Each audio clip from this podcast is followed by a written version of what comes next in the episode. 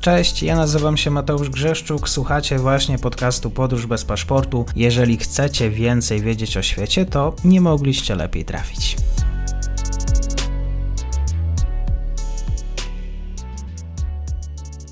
Dzień dobry wszystkim słuchaczom. Mam dzisiaj wielką przyjemność, zresztą po raz pierwszy, gościć pana profesora Piotra Mickiewicza z Wydziału Nauk Społecznych Uniwersytetu Gdańskiego. Dzień dobry, panie profesorze. Dziękuję za przyjęcie zaproszenia.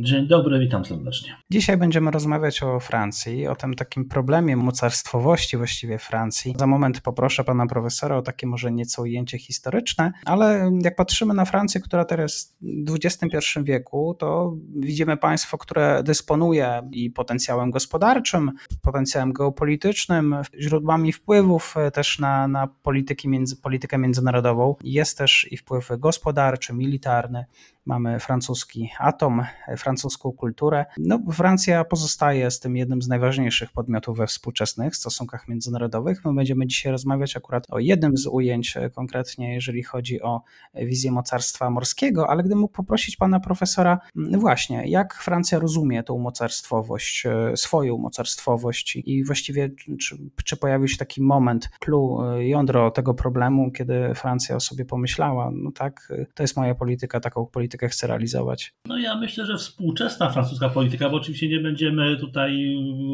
wchodzić w jakieś dywagacje historyczne, tak? Nie będziemy przypominać Francji jako monarchii, tak? Ale wydaje mi się, że, że to jest właśnie kadencja no, Charlesa de Gaulle'a tak? To jest ten moment, gdzie w zasadzie z pokonanej Francji potrafił zbudować na nowo potęgę. Ta mocarstwowość francuska właśnie w wizji degolowskiej, wizji państwa silnego, państwa opartego na określonych wartościach, promujące te wartości, nie tylko siły, ale wartości, ale jednocześnie dosyć ostro walcząca o utożsamienie, utożsamienie powszechne tego państwa z mocarstwem, jest widoczna w działaniach następnych francuskich prezydentów, czy w ogóle francuskich polityków. Niekiedy mówimy, że ta mocarstwowość jest nieco na wyrost, ale moim zdaniem nie. Ona, Francja jest mocarstwem, ale mocarstwem innym niż, niż zdążyliśmy się przyzwyczaić w XXI wieku. To jest to mocarstwo, które właśnie preferuje pewne wartości, zasady, a nie, a nie,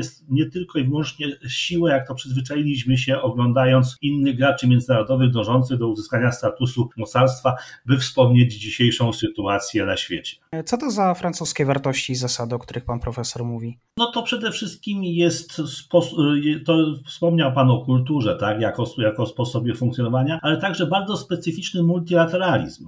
To znaczy Francuzi chcą budować świat w oparciu o kompromis, ale kompromis, który będzie tworzony na francuskich warunkach w oparciu o te właśnie wartości, która preferuje Francja. Tak? Te wartości, o których mówimy, to, to jest, tak jak powiedziałem, kultura, to jest pewne racjonalne gospodarowanie, kierowanie się problema, e, koncentracja na problemach rozwojowych i w kooperacji. Tak? Dużo, duże znaczenie ma tutaj współpraca, ale jeszcze raz powtórzę, współpraca pod przywództwem Francji partnerstwo jako wizja mocarstwowości, ale to partnerstwo ma funkcjonować w kontekście Francji jako lidera tejżeż wspólnoty, którą Francuzi tworzą. Dzięki temu są mocarstwem. Tak, w, tak, w takim dużym skrócie oczywiście, bo, można, bo trzeba by to było pokazywać, ale jeszcze raz powtórzę, jakby zamykając tą sferę. Wspólnotowość kooperacja, współpraca, ale bezgraniczne przyznanie funkcji lidera Francji.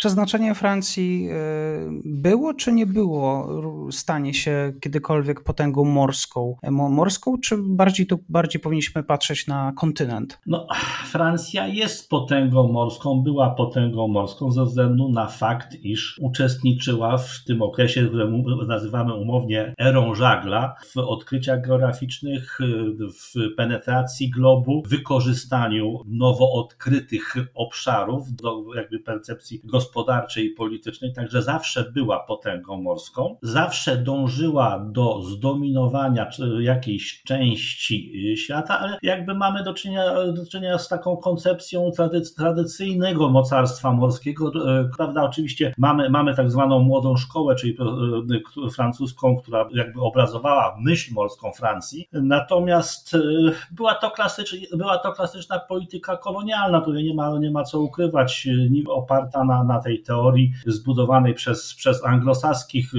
twórców teorii morskich, tak, czyli Juliana Corbetta przede wszystkim, że morze służy, służy do komunikacji, tej komunikacji pomiędzy, pomiędzy koloniami i metropolią, tak? Y, to, tak zwana nowa szkoła francuska, czyli koncepcja strategii francuskiej, ona bardziej ukierunkowała się na kwestii tworzenia techniki wojskowej, jednostek, które by potrafiły zapewnić panowanie na morzu, ale w swojej istocie ta koncepcja Francji morskiej była oparta na tej, na tej dominującej anglosaskiej wizji panowania na morzu, czyli po prostu żegluga, bezpieczeństwo żeglugi, zdobycie obszarów kolonialnych, utrzymanie kontaktów czy też łączności dróg, szlaków komunikacyjnych pomiędzy metropolią a tymi terytoriami zależnymi. Rozumiem, że y, kolejni to lokatorzy Pałacu Elizejskiego zgadzali się z tą koncepcją, chcieli ją komunikować. To jest taka koncepcja, która jest wryta w to jądro myślenia francuskiego o świecie. Tak, jak najbardziej. Zresztą proszę zwrócić uwagę, że y, do tej pory mamy do czynienia z taką inicjatywą francuską, o której rzadko się mówi, ona jest niezwykle ważna, tak zwaną grupą państw frankofońskich, czyli po prostu sojuszników Francji, których y, to państwo samo sobie zbudowało, bo to nie tylko, nie tylko przecież były kolonie francuskie, ale tak jakby tradycyjni sojusznicy, no, między innymi Polska, ale także i Rumunia z państw europejskich, tak? Czyli ta grupa państw frankofońskich jest takim elementem właśnie tworzenia czy sankcjonowania tejże mocarstwowości francuskiej, budowania, tak jak powiedziałem, na zasadzie kooperacji, multilateralizmu, ale jednak pod przywództwem Francji.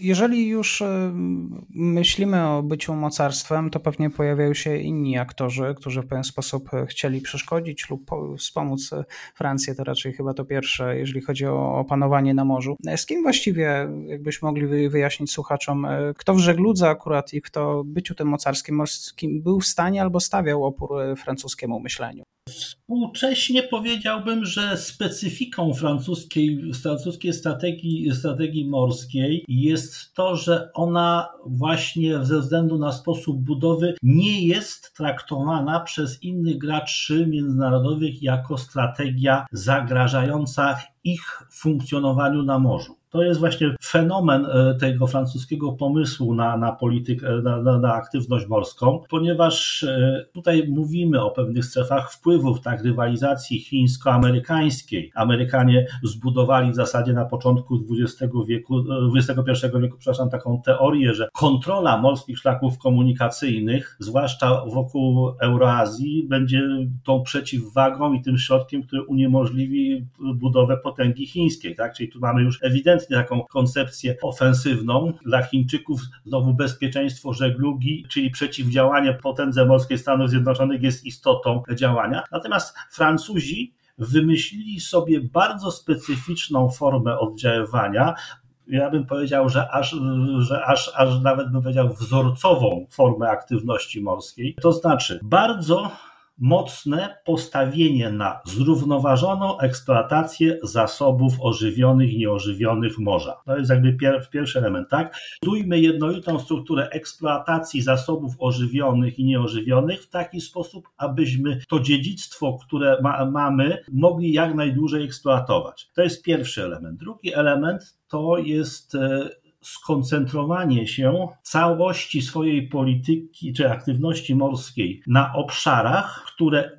w jakiejś formule można uznać za przynależne Francji. To są te tak zwane terytoria zależne, zamorskie, jakbyśmy to nazwali w zasadzie, bo używa się tych różnych tutaj nazw do, do tych obszarów. Ja pozwolę sobie używać tego, tego naj, najnowszego wrotu francuskiej polityki, czyli terytoria zależne. To znaczy były posiadłości francuskie, które stały się samodzielnymi bytami politycznymi oraz właśnie klasyczne terytoria e, zamorskie Francji, które są są ulokowane w trzech, w trzech e, miejscach. Tak, środkowy Atlantyk mniej więcej, tak, strefa, strefa Karaibów, południowo-wschodnie wybrzeże Afryki, umownie my nazywamy to tak zwanym zachodnim Oceanem Indyjskim. To tak, taka, taka nazwa funkcjonuje w, w geografii politycznej oraz strefie Oceanii i tam ta aktywność jest właśnie zbudowana w, taki, w, taki, w takiej oto formule. Pracujemy nad zrównoważonym eksploatacją zasobów ożywionych i nieożywionych obszarów otaczających te terytoria zależne. Kreujemy procesy rozwojowe na obszarze tych terytoriów w taki sposób, aby utrzymać tą tak zwaną blue economy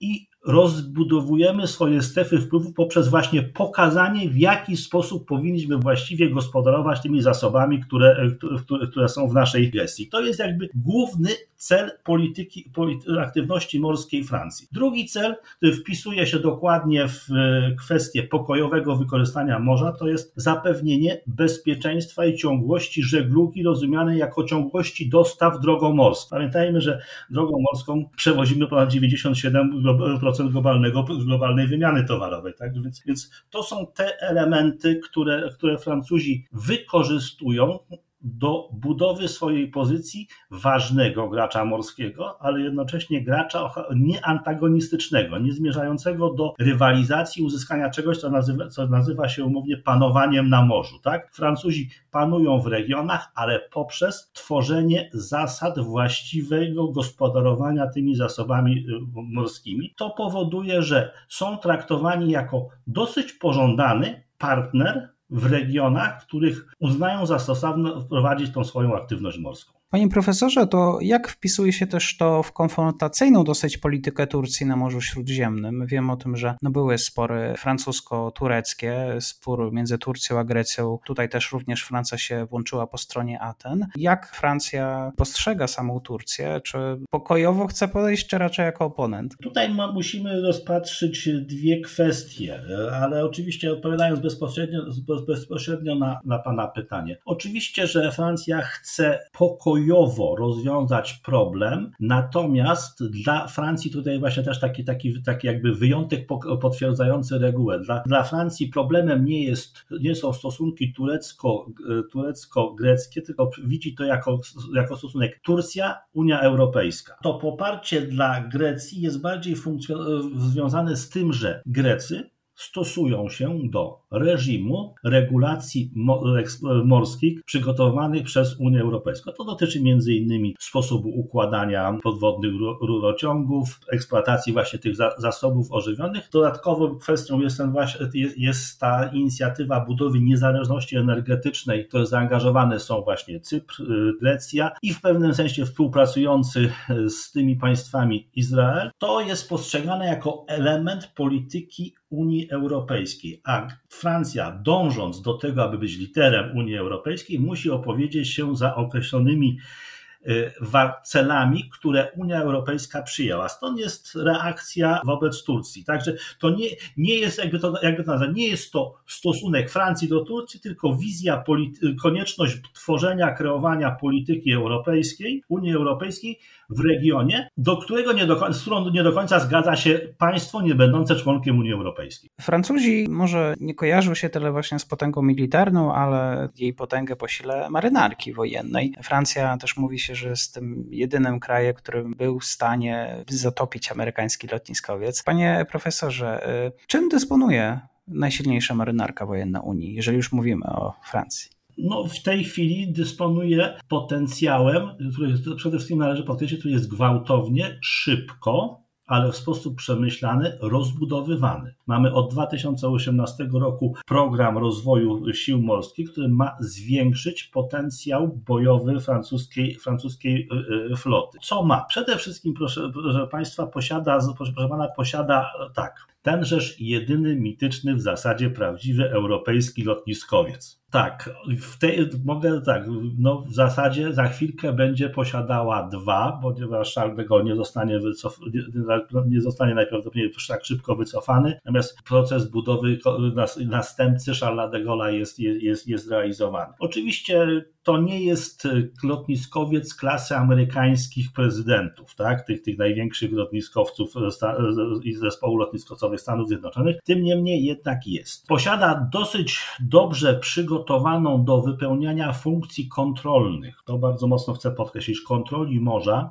także z punktu widzenia nie, prowadzenia ruchu żeglugowego, zanieczyszczeń, ale także nielegalnych, czy połowów e, zasobów ożywionych, czyli po prostu jakby przekraczania limitów przyznanych, połowowych przyznanych na dany, na dany akwen i posiada bardzo mocny kompleks, nazwijmy to mówię, ekspedycyjny, który może funkcjonować, funkcjonować zarówno jako, jak, jako, jako e, zespół bojowy, jak i zespół udzielający pomocy humanitarnej. I tu ja bym raczej chciał właśnie podkreślić te zdolności do prowadzenia działań o charakterze pomocowym, tak? Te sławetne, słynne z odmowy sprzedaży ze okręty o nazwie Mistral, tak, które, które mogą wypełniać zarówno funkcje jednostki bojowej, jak i prowadzącej działania pomocowe, są bardzo mocno stosowane i jest to wykorzystywane właśnie do budowy potęgi przekonania o potędze Francji poprzez angażowanie w misje o charakterze pokojowym,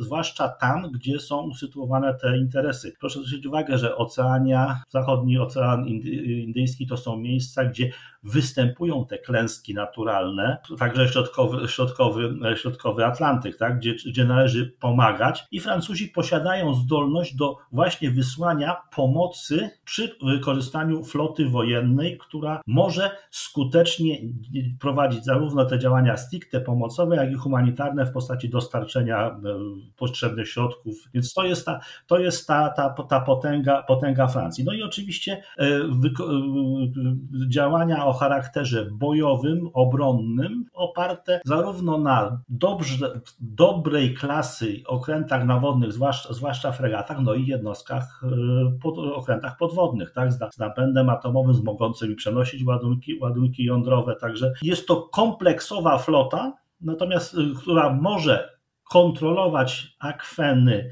wokół terytorium własnego państwa, czyli od Morza Śródziemnego po, po kanał, kanał angielski, ale jednocześnie posiada duże zdolności ekspedycyjne w tych dwóch obszarach, zarówno militarny, czyli przeprowadzenia operacji militarnej poza Europą, jak i udzielania w wymiarze globalnym pomocy, y, pomocy humanitarnej w sytuacji zaistnienia jakichś kryzysów. To panie profesorze, pytanie jeszcze na koniec. Czy Francuzi produkują, produkują sprzęt, produkują na własne potrzeby, rozumiem, więc jakbym mógł prosić o rozszerzenie i też czy ewentualnie muszą robić zakupy u innych? Nie, nie. To są, Francja jest samowystarczalna militarnie. To było jedno z głównych założeń, które, które legło u podłoża polityki francuskiej po II wojnie światowej. Oni chcieli być samodzielni, jeżeli chodzi o produkcję.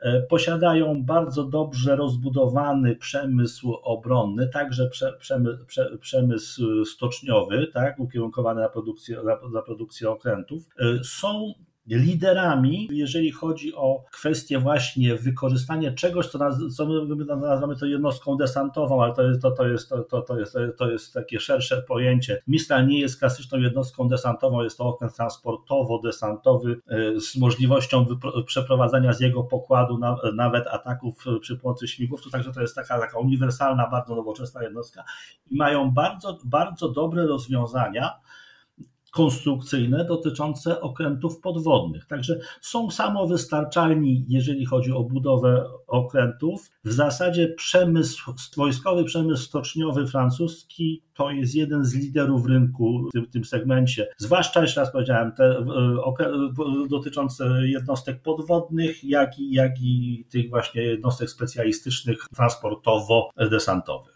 Jednej rzeczy nie powiedzieliśmy. Tekst właśnie opublikowany przez pana profesora e, brzmi pomiędzy pragnieniami a realiami. Francuska wizja mocarstwa morskiego. O pragnieniach wiemy, a jak jeszcze słowem podsumowania o tych realiach? Czy musimy to skonfrontować w, w, dwóch sferach. Jeżeli patrzymy na klasyczną rywalizację mocarstw morskich, to Francuzi, Francuzi są w stanie, ale uważają, że prowadzenie takiej polityki doprowadzi do konfrontacji, którą przegrają. Zdecydowanie przegrają. Przegrają batalię o kontrolę akwenów, akwenów morskich e, z Stanami Zjednoczonymi. Z Chińczykami nie czują potrzeby podejmowania, e, podejmowania rywalizacji, jako że to, jest, to są akweny, akweny, które znajdują się w pod, w zainteresowaniu chińskim nie są akwenami, które są istotnymi dla polityki francuskiej. W związku z tym w tym kontekście raczej, raczej tutaj te, te, te, ta praktyka jest taka, że nie będą chcieli podejmować tej rywalizacji o prawo do sprawowania kontroli morza poprzez narzucenie pewnych zasad związanych z blokadą żeglugi, uniemożliwianiem żeglugi. Tak? Natomiast w sferze takiej kreowania procesów y, rozwojowych, właściwej eksploatacji, eksploatacji akwenów, akwenów morskich, e, kontroli e, przestrzegania, tak jak powiedziałem, głównie limitów połowowych, bo to jest dzisiaj takie najpoważniejsze, najpoważniejsze zagrożenie, są w stanie skuteczne, prowadzić skuteczne działania, ale tutaj znowu muszę wrócić do tego, co powiedziałem na początku, nie chcą, aby to były działania francuskie, to mają być działania wspólnotowe. I te działania wspólnotowe mają mieć y, trzy takie, trzy takie e, jakby obszary. Obszar północnego Atlantyku do mniej więcej y, Morza Karaibskiego to ma być polityka unijna kreowana przez Francję. Morze Śródziemne oczywiście polityka unijna kreowana, prze, kreowana przez Francję. Akweny położone wokół tych terytoriów zależnych Francji to ma, mają być, ma, ma być kooperacja multilateralna z państwami regionu i regionalnymi graczami, którzy muszą podjąć reakcję wobec globalnych graczy morskich. Myślę tutaj o Indiach, Myślę tutaj o e, Australii i Indonezji. To są naturalni partnerzy Francji, dzięki, z którymi chcą kreować tą politykę morską kontroli sposobu eksploatacji morza, ale tak jak powiedziałem, z punktu, z założeniem, że Francja jest liderem tego układu politycznego. Francuska wizja mocarstwa morskiego. Dzisiaj rozmawiałem o tym e, z panem profesorem Piotrem Mickiewiczem z Uniwersytetu Gdańskiego. Panie profesorze, kłaniam się nisko i bardzo dziękuję za nasze spotkanie. Dziękuję serdecznie, do widzenia. I to już koniec na dzisiaj. Zapraszam na profil podcastu Podróż bez paszportu na Facebooku, Instagramie i Twitterze. Zachęcam też do wsparcia mojej pracy na serwisie Patronite oraz Buy Coffee. Do usłyszenia.